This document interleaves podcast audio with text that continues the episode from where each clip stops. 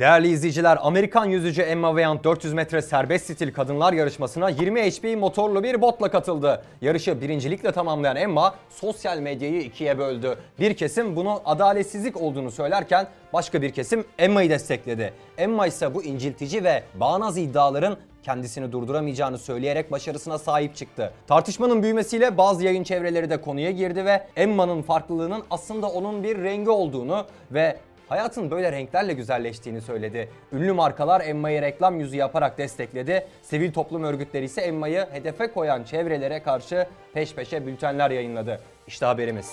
Bir mizah sitesinden aldığım bu hikaye komik olmasının yanında ironik bir tabloyu da ortaya seriyor. Elbette kimse bir yüzme yarışmasına botla katılmadı ancak en az bu hikayedeki bot kadar adaletsizlik doğuran bir fiziki farklılık artık giderek yok sayılıyor kadın ve erkeğin biyolojik farkı. Biyolojik olarak erkek doğan ve 2019 yılına kadar erkek takımında yarışan yüzücü Lia Thomas kendisini kadın olarak tanımladığı için bu sene kadınlar kategorisinde yarıştı ve altın madalyanın sahibi oldu. Ancak ortaya adaletsizliği çıplak gözle dahi gösteren bu fotoğraf çıktı. Bu durum sosyal medyada tepkileri de beraberinde getirdi. Bir paylaşımda bu sporcu bir erkek gücüne, kasına, yetkinliğine sahip ve evet kadınlarla yarışması tam olarak haksızlık. Başka bir paylaşımdaysa bu saatten sonra herhangi bir branşta bir kadının madalya alma ihtimali yok dedi. Tabi böyle değerlendirmeyip bunu her branşta görmeyi dileyenler de oldu. Peki bilim bu konuda ne diyor? Ben kadınım diyen birinin artık kadın kategorisinde yarışması haksızlık mı değil mi? Kansas City Üniversitesi'nden çocuk doktoru ve doçent olan Dr. Timothy Roberts ve meslektaşları tarafından 2020 yılında yayınlanan bir araştırma erkek olarak dünyaya gelmiş birinin testosteron hormonu baskılansa bile ergenlik sürecindeki kas kütle artışı sebebiyle kadınlardan %12 daha hızlı koştuğunu ortaya koydu. Spor bilimci Tommy Roundberg tarafından yürütülen bir başka araştırmada aynı şekilde erkek olarak dünyaya gelen kişilerin hormonal müdahaleye uğrasalar bile güç seviyelerini önemli ölçüde koruduklarını ispatladı.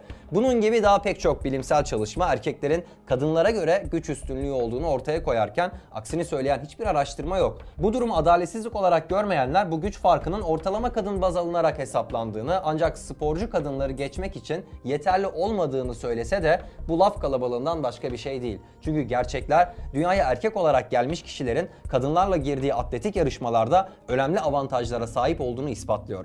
Buna rağmen bugün dünyanın birçok ülkesinde özellikle de gelişmiş ülkelerde ve Amerika'nın pek çok eyaletinde kendisini kadın olarak tanımlayan erkekler kadın kategorisinde yarışabiliyor.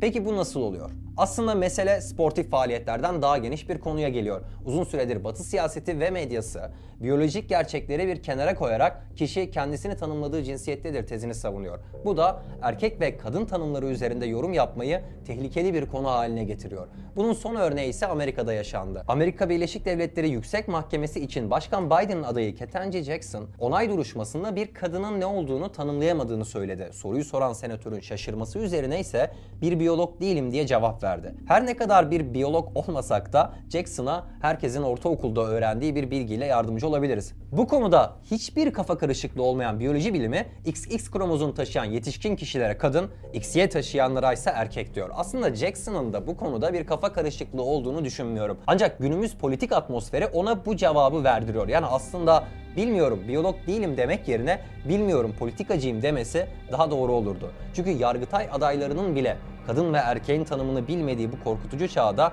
her şey biraz politik. Temel insan biyolojisi bile.